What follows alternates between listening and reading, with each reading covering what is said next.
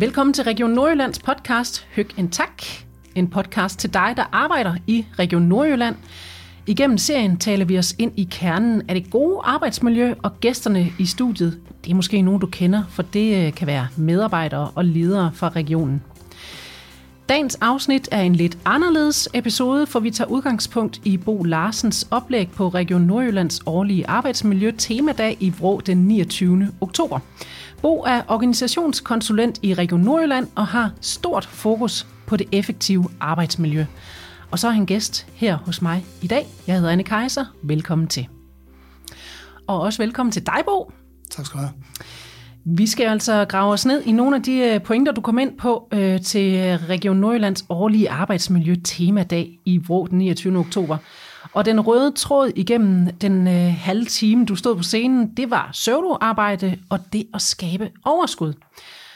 I, øh, I dit oplæg, der nævner du en øh, soldat, som øh, brugte sådan 20-30 år ude i junglen, og øh, forsvarede sit område til trods for, at krigen var slut. Øh, og det gjorde han i bedste mening. Han troede, det var værdifuldt, det han gjorde, men øh, kan man ikke overføre det til, til vores arbejde? Altså, der er vel ingen, der render rundt og ved, at de ikke er effektive i deres arbejde?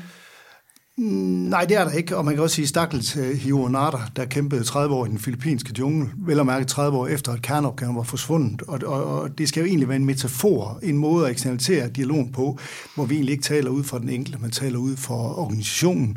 Uh, og så bruger jeg faktisk ikke et, et opgave, jeg bruger ikke ret meget begrebet effektivt, men bruger meget at skabe overskud, mm.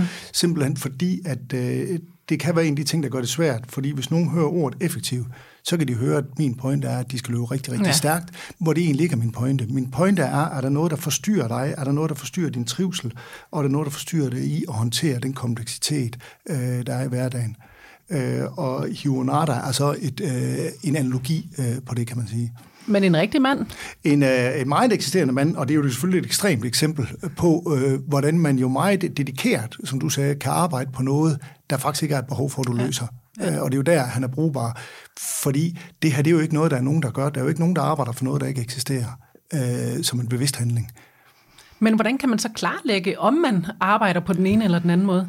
Jamen, det er der jo et øh, usædvanligt mange måder at gøre på. Den måde, jeg lader op til at gøre det på, den måde, jeg godt kan lide at gøre det på, det er jo at inddrage driften og jeg, det vil du høre mig sige mange gange, driften i øh, dialogen. For det er dem, der ved, hvornår de bliver forstyrret. Det er dem, der ved, hvornår de oplever noget som komplekst, uforståeligt, hvornår de spilder deres tid, eller hvornår det er decideret sodeopgaver, altså noget, der ikke bidrager til løsningen af mm. kerneopgaven. Mm. Det er dem, der ved det. Så vi ønsker egentlig ikke, at de skal løbe hurtigere. Vi, vi ønsker at få en snak om, er der noget, der forhindrer jer i at optimere jeres produktion? Og det vil der typisk være. Og hvor kan det så være, man opdager det? Altså, hvor spilder man typisk sin tid henne? Jamen altså, jeg nævner jo øh, i oplægget syv spiltyper. Øh, der vil sikkert være flere, men øh, syv spiltyper. Jeg nævner eksempler på øh, overkompleksitering, altså jeg nævner et eksempel på, hvordan øh, vi kommer til at tale så akademisk, så vi næsten ikke forstår, øh, hvad det er, vi vil. Øh, jeg nævner eksempler på, hvor kerneopgaven øh, bliver uklar, og så nævner jeg eksempler på decideret sodarbejds, altså ting, hvor vi simpelthen ikke bidrager til kerneopgaven, hvor vi rammer forbi øh, kerneopgaven. Mm. Så der er en række øh, eksempler. Vi øh, skal høre et, øh, et lille, en lille lydbid fra dit øh, oplæg fra Vrå, og lad os lige prøve at høre, hvad du sagde, blandt andet sagde i, i det her oplæg her. For det første kan man sige, at hvis vi vælger altid at kigge øh, på det individuelle, på individet, så kan det få omkostninger for fællesskabet. Det kan også skabe, det kender I alle sammen, uendelige debatter om individuelle værdier og holdninger og meninger, individuelle opfattelser og faglighed. Det vil medføre en masse spild af ressourcer, og det kan også medføre halvdelen af de konflikter, jeg har været ude og arbejde med i mit 20-årige konsulentliv. Det har været, fordi folk de ikke er enige om, hvad de er ansat til. Kan I genkende den?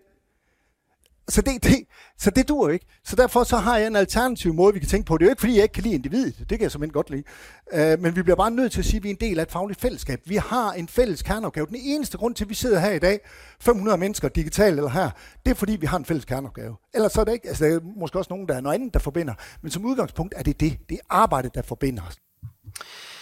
Og her taler du altså om, at fællesskabet bør gå forud for, øh, for individet. Men altså, jeg synes, at det, i, i mange år der har vi jo hørt øh, den her sang om, at, øh, at det er den, den enkeltes velbefindende, der er afgørende for helheden. Øh, bliver vi ikke nødt til at tage hensyn til individet? Ja, man kan sige, det langt hen ad vejen er det også en metodisk øh, sondring, øh, kan man sige, og selvfølgelig tager vi hensyn til individet. Jeg vil sige, vi gør faktisk rigtig mange ting i regionen af hensyn til individet. Vi kører øh, individuelle samtaler, hvis der er et behov for det. Øh, vi måler deres trivsel. Der er rigtig mange ting, øh, vi gør for individet. Individet har også en række rettigheder, både i overenskomst og i lovgivningsmæssigt, så, så vi har en masse. Men det er vigtigt, at når vi skal optimere noget, så taler vi om et fagligt fællesskab. Altså, vi er her en grund.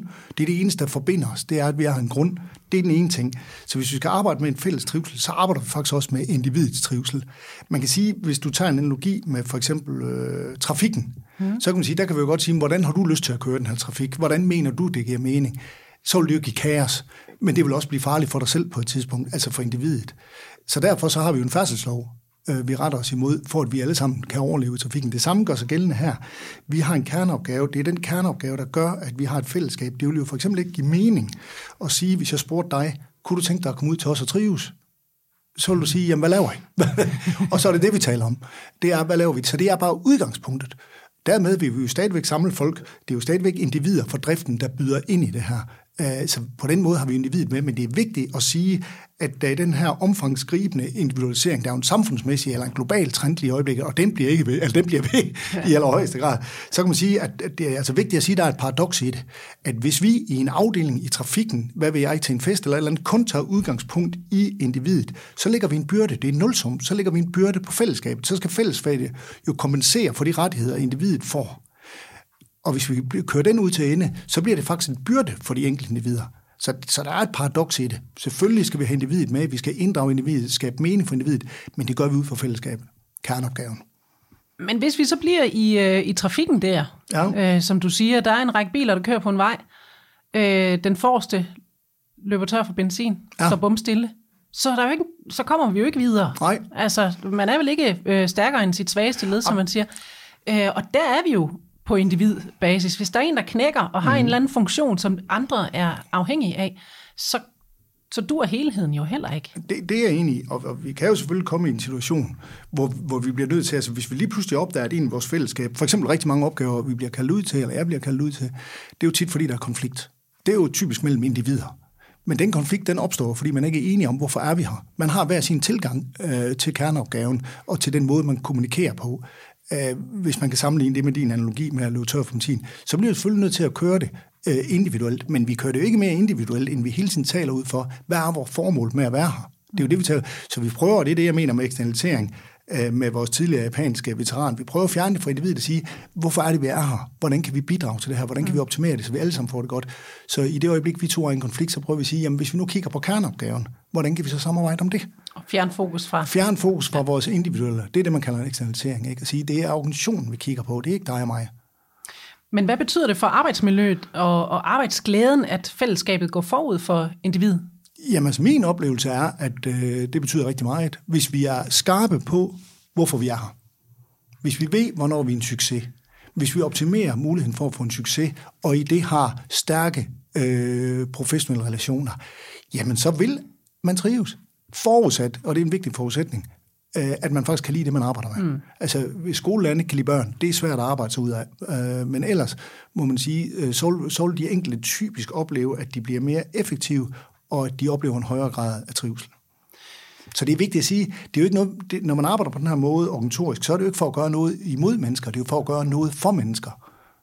Så, men sådan som jeg også hørte, så det, altså, det hele går hånd i hånd. Altså, der er ikke, man kan ikke hive en del ud og så optimere bare den ene del Nej, det, det og sætte det ind. Nej, det mener jeg, man kan.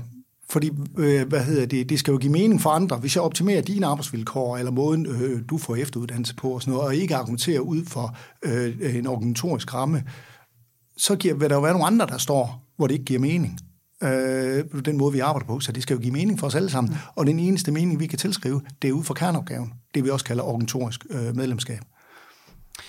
Der blev sagt øh, flere kloge ting øh, i Vrå den 29. oktober. Skal vi prøve at høre, hvad, hvad du ellers øh, fik sagt? Ja.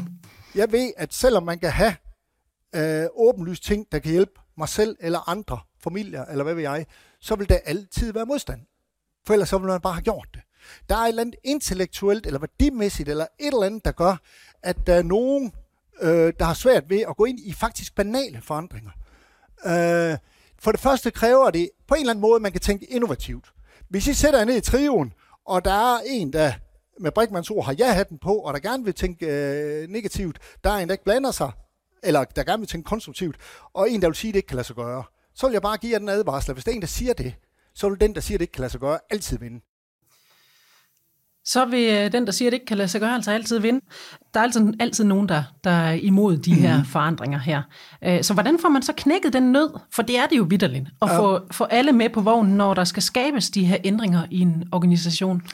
Altså, der er flere ting i det. For det første er jeg egentlig lidt ked af, at jeg måske skal øh, sige modstand mod forandring. Måske vil jeg hellere tale om barriere, fordi folk kan faktisk have nogle reelle grunde til ikke at ville det, jeg eksempelvis vil, eller ledelsen vil, eller trioen vil.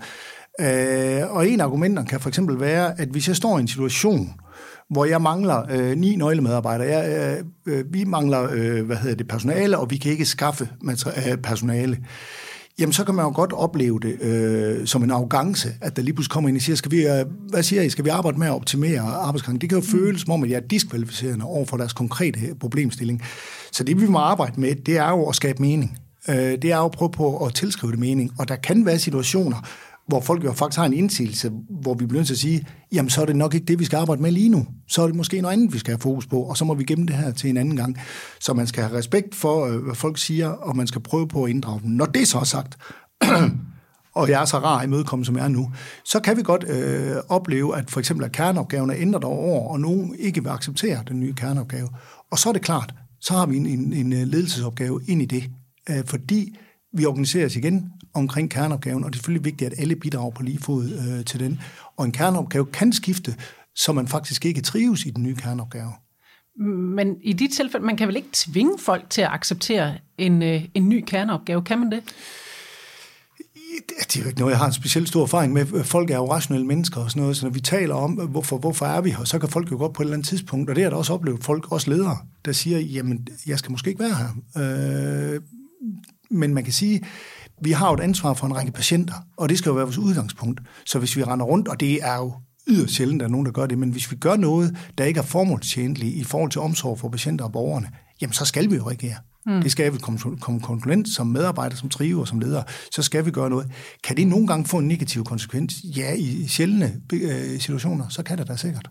Så faktisk så kan det, som du også sagde før, så kan det altså også betyde, at man måske i yderste instans kan være nødsaget til at, at skrinlægge de her ændringer her. Ja. Det, er det set? Ja, masser af gange. Øh, det er ikke reglen, men øh, man skal helst fange den. Øh, jeg håber, vi kommer til at tale om, om de her seks trin til at skabe overskud på et tidspunkt. Men man skal jo helst fange det i starten. Altså sige, at organisationen er ikke her.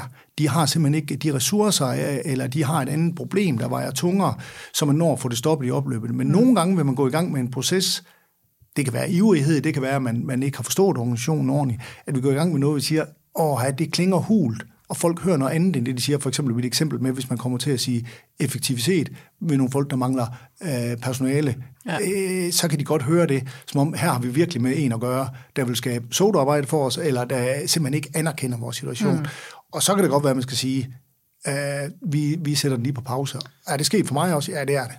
Så man træder lige et skridt tilbage ja. og måske genoptager på et andet tidspunkt, eller finder en anden vej ind i løsning? Ja, fordi hvis der ikke er vilje, øh, og hvis der ikke er vilje og lyst og motivation til at skabe den her ændring, så er jeg jo faktisk aktivt i gang med at skabe sodaarbejde. Mm. Fordi jeg godt ved, at det her det bliver ikke implementeret i den sidste ende alligevel. Jeg skal inddrage medarbejderne i en proces, der tager tid. Og hvis jeg så allerede der har en fornemmelse af, at vi kommer ikke til at optimere noget som helst, jamen så skal vi jo stoppe. Men de her ændringer og forbedringer, som øh, vi fokuserer på her, de øh, skulle jo øh, helst implementeres, de fleste af dem i hvert fald dem, der giver mening, øh, og resulterer i øh, bedre vilkår for borgeren eller patienten. Øh, og det har du også selv været inde på flere gange. Det er der, vi skal have vores fokus. Hvordan sikrer man sig, at ændringerne i sidste ende faktisk kommer borgeren eller patienten til gode? Jamen, det gør man jo hele, ved hele den måde, vi, vi, vi kommunikerer på. Altså, de her dialoger kan faktisk være utrolig energigivende, når du gør det. Altså, der er jo også nogen, der går ind og måler og alt muligt andet. Det gør jeg ikke. Jeg samler folk. Jeg, jeg er meget optaget af driften. Øh, meget optaget af dem, der sidder med borgeren eller patienten og inddrager dem. Øh, om ikke andet kan man bare sige til dem, bliver I nogle gange forstyrret? Og så prøver, kan vi lave en brainstorm, hvor vi kortlægger det, hvad de bliver forstyrret af, og så prøver vi at kigge på, hvad det er. Eller, og, og det har vel også helt klart kommet nogle sodaarbejde og nogle spildkategorier. Og så går man ind og siger, hvem er det egentlig, der har fundet på det her? Hvordan bidrager det egentlig til øh, kerneopgaven, til løsningen kerneopgaven, altså til omsorg for patienten, eller pleje for patienten, eller hvad det nu kan være? Øh, og så kan vi jo bagefter øh, opleve, at øh, vi kan eliminere nogle indsatser og dermed få bedre tid. Øh, og det vil også give en, en oplevelse af empowerment øh, for den enkelte. Altså at sige, vi styrer ting. Øh, men det kræver så i den tilfælde, at vi faktisk øh, øh, benytter den, det, man kunne kalde den hemmelige øh, spildimension, nemlig at vi evner at lytte og inddrage driften. Fordi gør vi ikke det, så er der enormt meget, vi ikke får håndteret. Men jeg har aldrig oplevet, at de ikke har en, en, et væld af bud på, hvordan vi kan optimere, øh, hvad hedder, hvordan vi kan optimere løsningen af kerneopgaven. Og det giver altså to ting. Det giver en mere effektiv øh, behandling af patienterne og borgerne, men det giver også en højere grad af trivsel til medarbejderne. Så det er utrolig ærgerligt, når man ikke systematisk lytter til det. Det burde være noget, vi alle sammen gør hele tiden, og det er der heldigvis også nogen, der gør. Men er det noget, man så kan gå ind og måle vej på? I, ja, her... ja, man kan sige, hvis man går over i, uh, i, i dem, jeg deler kontor med, uh, uh, i kvalitetsudvikling, jamen så tager de jo, hvor mit er mere sådan et, hvad kan man sige, et bredere organisatorisk vifte, uh, som meget kører på dialog, så kører de også på dialog, men med færre mennesker, og de går ind og måler uh, alt, hvad de gør. Men mm. det, det gør vi nu også i nogle tilfælde. Eksempelvis, når vi arbejder med uh, sygefravær, som jo også er en form for spil, jamen der, der, der går vi ind og, og måler, og vi arbejder egentlig på samme måde ud fra et organisatorisk perspektiv. Mm. Øh, så noget måler på, og noget er mere en dialog og en oplevelse af mening.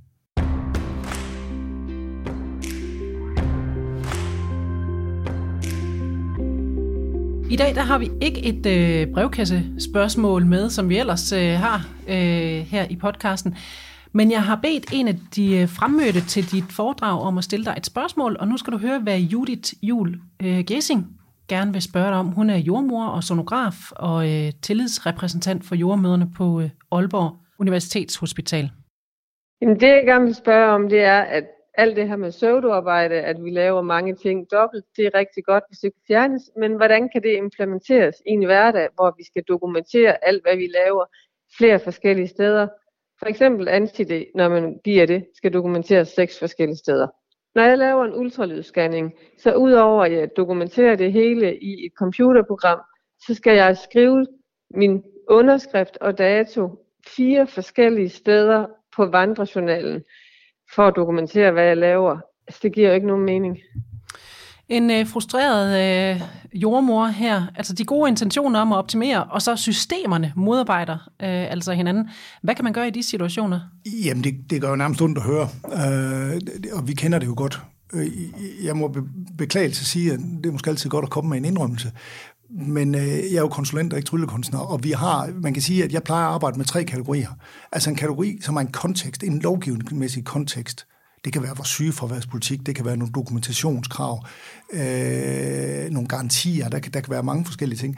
Der vil der simpelthen være nogle ting, fordi vi er en del af en politisk organisation, som er besluttet, som vi må sige, jamen det er en kontekst, vi kan ikke arbejde med det. Vi kan prøve at optimere det og gøre det så gelinde, som det overhovedet er muligt, men vi bliver nødt til at acceptere, at det er der, selvom det måske ikke nødvendigvis kan tilskrives mening der, hvor vi står. Så vil der være noget, vi kan gå ind og påvirke og ændre ganske væsentligt, og der vil være noget, vi har 100% kontrol over, vi kan ændre.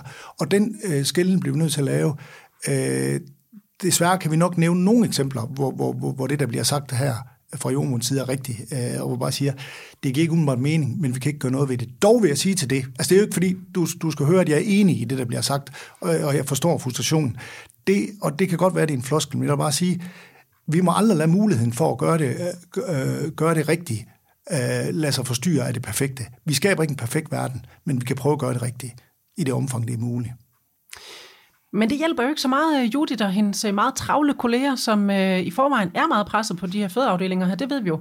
Øh, hvor skal hun gå hen så, hvis hun gerne vil... Øh, altså, hun har et ønske om at få det løst. Øh, hvor kan hun gå hen med den her øh, frustration? Jamen det kommer igen an på, hvad problemstillingen er. Altså noget er noget, man kan sætte sig ned og tale om. Øh, det man har ikke kontrol over. Noget er noget, man må aflevere til sin trive, til sin ledelse, og noget skal jo helt op øh, på øh, politisk niveau, og det må jo køre gennem ledelseshierarkiet. Men at tro på, at så stort, altså vi har 14.400 medarbejdere, at så stort kompleks et øh, byråkrati, at vi vil ende i en situation, hvor der ikke er noget, som den enkelte vil opfatte øh, som unødvendig byråkrati, det kommer vi nok aldrig til. Men det er da vigtigt, at det bliver meddelt, og det bliver sendt videre, og man har både øh, politisk og ledelsesmæssigt ønsker om at høre de her ting, fordi det var det, jeg nævnte som, som den, den, den hemmelige øh, spilddimension. Det er, når vi ikke lytter til, hvad der sker i driften. Og hvis der er noget, der er vigtigt for mig at sige, så er det, det er driften, øh, der har hunden på kogepladen. Det er dem, der ved, hvornår noget er sodarbejde. Mm. Og det der kunne, uden jeg lige øh, har indsigt i det, så er det sandsynligvis rigtigt. Der ligger et eller andet, der kan forenkles. Man kunne godt forestille sig, at seks underskrifter på, øh, ja, på en handling godt kunne være lidt i overkanten, uden at jeg som sådan kender øh, øh, sundhedsvæsenet specielt godt. Men altså, hun siger jo her, hun skal skrive under på altså fire steder på det samme dokument. Er der ikke muligheder for optimering der? Jo, muligvis, det kan jeg jo ikke sige her. Altså, det er jo noget, vi må gå ind og undersøge. Men, men et, et, et lignende eksempel, som vi selv skaber, for eksempel, det, det kunne jo være, at når øh, den, som, er, som er et kendt eksempel, når den lokale leder eller øh, øh, når den ledende lægesekretær ønsker at læse korrektur på det, der bliver skrevet, øh, øh, det er jo en ekstra arbejdsgang. Der kunne man godt prøve at sige, hvad, hvad vil der ske, hvis vi fjerner det? Mm. Vil der ske noget? Er der nogen, der vil sige, der mangler komma? Det hele skal om. Vi kan se det, når vi, øh, når vi øh, journaliserer, at der sker masser af dobbelt journalisering, vi faktisk godt kan lade være med, men hvor det er os selv, der kan påvirke det. Mm. Den konkrete situation kan jeg ikke sige. Det kunne meget vel være, at øh, eller det kan ikke meget godt være, men vi ved jo, at det vil Judy og hendes kollegaer, det vil de jo vide meget mere om, men det var da interessant at dykke ned i, sige, kan vi gøre noget, eller er vi her i en situation, hvor vi må sende budskabet videre, og så gå videre med det næste skridt, mm. hvad kan vi så gøre noget ved? Kan der nævnes meget, som vi ikke kan gøre noget ved? Ja, det kan der desværre, men det bør ikke hente os i at tage fat i det, vi kan gøre noget ved.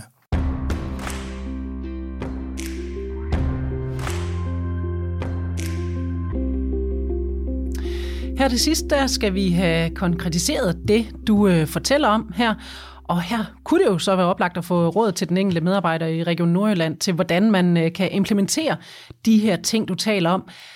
Men her ved jeg, at øh, du gerne vil understrege, at det her ikke er en rådgivning til den enkelte, men en organisatorisk rådgivning. Øhm, hvorfor er det sådan? Jamen det er jo igen det, er jo igen det, det udgangs, metodiske udgangspunkt, man tager. Altså mit, mit det følger jo det organisatoriske medlemskab, altså vi tager udgangspunkt i organisationen, hvorfor er vi er her, og det inddrager vi så medarbejderne til at spille ind i. Men man kan sige, det er jo ikke fordi, vi er ligeglade med medarbejderne, vi ikke gør det. Det er en måde at arbejde med det på, at sige, vi prøver på at styrke fællesskabet. Altså hele den her indsats, der er nu, den hedder jo styrke faglige fællesskaber, den hedder jo ikke styrke øh, stærke fagpersoner.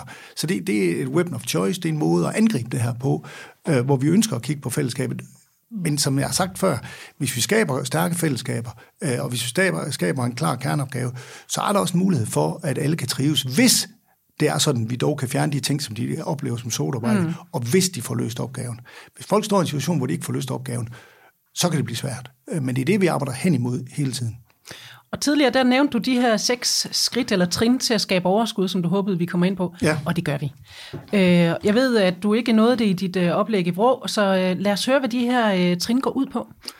Jamen, altså, det, det er egentlig bare en, øh, en, empirisk, øh, en empirisk kendelse for, at der skal, nogle, øh, der skal en række trin til, for at vi skal gøre det her.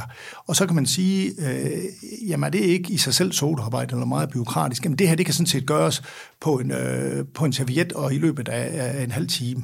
Men, men det er, der er nogle skridt, der skal til. Den første, det er, øh, også ud fra det, vi lige har talt om, er der overhovedet viljen til det her? Mener man, det giver mening? Står man og har gang i en brandslukning, står man og mangler 12 kollegaer og sådan noget, jamen så kan det godt være, at man siger, det giver ikke mening for mig. Faktisk finder jeg det mere provokerende, end det giver det mening. Øh, hele ideen er, når vi arbejder med det, at det faktisk bliver en skæg og energigivende og meningsgivende øh, øh, indsats. Hvis man sidder og siger, at det har jeg faktisk svært ved at få øje på, jamen så kan det være, at man er et andet sted. Så kan det være, at det ikke er mig, man skal ringe til. Øh, så det første, vi gør, det er at afklare vilje og evne. Det er selvfølgelig først og fremmest for ledelsen. Ledelsen skal ville det her. Hvis, hvis, og det vil jeg altid gøre, hvis jeg bliver det mindste i tvivl om ledelsen vil det her, jamen så bør vi ikke gøre det. Fordi enhver kan regne ud, hvad er det, vi er i gang med at skabe, hvis ledelsen ikke vil det her. Så, så du arbejder. Lige præcis. Hvad er det? Og bliver der skabt projekter i vores parallelprojekter og enlige projekter og alt muligt her, som egentlig er tidskrævende, men som ikke bliver implementeret. Nu selv brugt ordet implementeret. Ja, det gør der. Og man bør kæmpe som sindssyg for aldrig at være en del af et projekt, der ikke bliver implementeret. Lad være. Øh, det er i virkeligheden, hvis vi er mindst tvivl om det, så kan det være, at de siger, vi har sparet det her øh, skabe overskud projekt væk. Så skal vi ikke lave det. Vi har lige vundet to timer til 30 medarbejdere. Fantastisk. Øh, så er det, man gør, og det vil jeg på ingen måde blive ked af. Det er, så tager man jo et aktivt valg. Så hvis man afklarer viljen, evnen er ikke så vigtig, den kan man få hjælp til. Det næste er, hvorfor skal vi gøre det her? Hvorfor giver det mening? Den er lidt svær, fordi når du selv taler om barriere, så er der mange, jeg oplever rigtig tit, folk siger, at spil det har vi ikke her. Det er noget, andre har. Mm. Øhm, men det vil jeg opleve, at øh, det er altså mange, der har. Og hvorfor er det, vi skal gøre det her? Jamen, der må vi jo sætte os ned og sige, hvad er mål? Vi skal jo have en eller anden form for elevatortale, som lederen eller trioen kan sige til medarbejderne, når de kommer ind, nu skal vi gøre det her. Fordi der vil også sidde 30 mennesker, der har forskellige holdninger til, at vi skal gøre det eller ej. Og dem skal vi ligesom aktivere. øhm, så skal vi have aktiveret triven. Triven skal være med i det her. Vi bliver nødt til, vi kan simpelthen ikke have, at, at, at, at der opstår inde i det rum en, en uenighed om, om man egentlig vil det her. Den bør man have afklaret inden, så vi ikke sidder og spilder 30 medarbejders tid. Ja. Og, hvis, og hvis man øh, lige, det skal vi lige også have med, ja. hvis man er lidt i tvivl om, hvad er den her trio egentlig for en størrelse? Det er ikke Undskyld, alle, der lige ja. Øh, kender den. Hvad er trioen? Nej, det er nok ved at være et lige lovligt indgroet ord her i regionen, men det er jo, som jeg sagde før, vores uh, weapon of choice, det er, at når vi arbejder med den her slags, så ønsker vi at inddrage tillidsmanden og sikkerhedsrepræsentanten øh, det hedder arbejdsmiljørepræsentant i dag, øh, og lederen i et fællesskab, for ligesom at få de forskellige input, øh, der, der kan være, og det har vi øh, overraskende stor succes med, altså også i implementeringsfasen bagefter, for der er det også en hjælp, at vi ligesom kan være enige om det. Kan man ikke blive enige om det der, eller kan man for eksempel ikke samarbejde i triven? Jamen, så har vi jo, som Paul Lyrup har sagt, en ny situation. Så skal man måske kigge på at få det til at fungere. Så er det måske ikke spild, man skal arbejde med, fordi så sker der noget spild i den gruppe. Mm. Ja. Uh, og så må, bør man trække håndbremsen og sige, måske skal vi få den her gruppe til at fungere. Så så har vi trioen. Trio, så trioen, ja. Så det næste, det er at kortlægge barriererne. Uh, og det, det var den der, vi talte om før. Altså, er der modstand mod forandringer? Der kan jeg egentlig godt lide barriere, fordi den modstand kan jo være reelt nok. Den skal jeg jo, som, hvis jeg er som konsulent, også lytte til. Også anerkende, at der kan faktisk være nogen, der har en barriere, som er helt rimelig. Uh, og det er selvfølgelig hårdt at erkende nogle gange. At, uh, men så må man jo tage den uh, til efterretning. Men, men barrieren kan jo også være den, som øh, du og måske var lidt inde på på et tidspunkt. Altså det her med, vi har ikke tid. Vi har ikke tid til at lave det her. Mm. Jamen, så kan drømmen sige, jamen, så lad os lade være. Øh, fordi der er jo ikke noget værre end at sidde med 30 mennesker, der sidder og skifter til at sige, jeg kan ikke forstå, at vi sidder her. Jamen, så skal vi ikke sidde der. Øh, så tid er en barriere, men der er jo også den her med, at øh, det gør jo ingen forskel. Øh, man kan sige, den, den, det er jo Rolls Royce inden mm. for barriere, ikke? fordi hvis alle siger det, jamen så gør det jo ingen forskel. Mm. Ja, så er man enig om det ikke Ja, så er man enig om det ikke gør en forskel. Og så vil jeg jo sige, så er det godt nok helt vildt ærgerligt, vi endte, vi endte i den her proces her. For det skulle vi ikke have gjort. Nej. Øh, der, skal være noget, der skal være noget lyst til det her. Men barrieren er også noget, vi kan tale om. Så der kunne vi jo starte og sige, hvorfor, hvorfor er det, vi ikke synes, det er en god idé? Så kan det jo være, der vokser noget vildt interessant ud af det. Mm. Øh, så barriere er interessant. Øh, og så først der skal vi i gang med der, hvor nogen faktisk starter. Sige, lad os så lave den brainstorm. Lad os så prøve at, at, at, at finde ud af, om der er noget. Og, og, øhm, og nu har du spurgt meget ind til det individet. Det kunne også være, at man skulle bede individet om, prøv at notere, når du bliver forstyrret. Prøv at notere, øh, når du bliver irriteret, frustreret, eller der er et eller andet, du ikke forstår. Eller endnu værre, du for eksempel ikke forstår, hvordan du bidrager til kerneopgaven. Prøv at, at notere det, og så lad os øh, samle alt sammen sammen, og så lad os kigge på det sammen. Og når vi så har kigget på det, så er det, vi kan, eller når vi så har det, så kan vi jo analysere det og sige, jamen er det her noget, der komplicerer vores arbejde? Er det her noget, øh, der er sodaarbejde? Er det her en spildtype? Hvad, og hvad vil der egentlig ske, hvis vi fjerner det? Kan vi fjerne det? Skal vi prøve at fjerne det i 14 dage? Øh, eller skal vi øh, gøre det mere simpelt? Og så vil jeg sige, den der med komplicering, vi er jo i, i en verden af byråkrati og akademisering og sådan noget, så tit er, det, er ting meget fine, når de er meget kompliceret. Men der vil jeg jo sige, at hvis jeg ikke forstår det, altså hvis jeg skal læse det en 3-4 gange, så vil jeg jo sige til dem, der sendte det, prøv der og, og se, om vi ikke kan gøre det her enklere. Øh, mange har svært ved at sige, når de ikke forstår noget. Det har jeg så heldigvis ret nemt med. Nå, fordi jeg synes, det, hvorfor, hvorfor gør vi noget kompliceret? Og tit er det måske, fordi det virker mere rigtigt. Men det gør altså også en anden ting. Det gør også, at der ikke er så mange, der er kritiske over for det, jeg siger, fordi de forstår det ikke rigtigt. Øh, så nu ligger jeg byrden over til dem, jeg taler til. Nu skal de virkelig kæmpe for at forstå det, jeg siger. Det synes jeg er forkert. Jeg synes, jeg skal have et klart budskab. Det gælder også i mail og i taler og alle mulige andre steder. Den sidste, det er så det, du har sagt flere gange, det er at sikre en handleplan og sikre implementering hvis vi går i gang i det her, og det ikke gør nogen forskel derude, at vi ikke oplever, at vi får øget ressourcer, at vi ikke oplever, at det bliver bedre for kerneopgavens løsning, jamen så skal det være. Øh, og ellers så skal vi kigge på, hvorfor er det, vi ikke kan implementere ting? Hvad er det, der går galt? Er det barriere, der lever videre derude? Eller hvad, hvorfor sker det her? Det er jo en interessant analyse, fordi hvis man på det her punkt, ikke kan, som jeg jo synes på nogle områder er meget enkelt, undtagen det spørgsmål, der lige blev stillet for jordmålen før, men, øh, men hvis vi ikke kan implementere det her, og hvis alle egentlig ønsker det, så er det jo interessant at sige, hvad er det, der går galt i vores kultur, siden vi ikke kan overholde en aftale? Og så kan man sige, jamen, jamen overholder folk ikke aftaler? Jo, men vi ser da tit, at øh, klokkeklare handleplaner, klokkeklare aftaler, det bliver ikke implementeret bagefter. Og så har vi jo en ny kilde øh, til sodaarbejde, hvis vi siger, vi kan lave aftaler, men det er ikke noget, vi gør bagefter. Så det var altså seks trin ja. øh, til, til at, øh, at skabe bedre overskud. Altså risikerer man ikke, at når folk de bliver præsenteret for sådan en seks, seks trins raket, som det er det her, at de simpelthen øh, får nogle lange folder i ansigtet allerede før man kommer i gang, og siger, det har vi jo ikke. tid til. Det kan vi jo ikke gøre det der. Egentlig vil jeg sige, at den skal de heller ikke præsenteres for. Det er noget, enten konsulenten, eller uh, trioen, eller lederen gør. Vil lige vide, at vi skal gå de her igennem. Og det vil lige være opmærksom på, at halvdelen af de trin her, de sker faktisk før man møder personalet. Så det er egentlig noget med lige at få kvalificeret det, man vil tale med dem om først. Hvorfor er det egentlig, jeg vil forstyrre hvad vil jeg, 20 medarbejdere med det her. Mm. Det er ikke noget, vi skal til at tale om i rum. Det skal man lige have styr på, inden man kommer ind. Altså man har lavet sit forarbejde ordentligt. Og på den måde undgå pseudoarbejde. Lige præcis. Tak til dig, Bo, fordi du vil være med her i studiet i dag. Hvis du har lyst til at skrive til os med dit spørgsmål, så kan du gøre det på maja.kolin.rn.dk, og det er også den mailadresse, du skal bruge, hvis du har andre henvendelser til redaktionen om podcasten her. Der kan du komme med ros, eller ris, eller gode idéer, eller hvad du ellers har lyst til. Jeg håber, du har lyst til at lytte med på de andre afsnit af Høgen Tak, hvor du kan lære meget mere om det gode arbejdsliv og arbejdsglæde. Jeg hedder Anne Kejser. Tak for nu, og på genhør.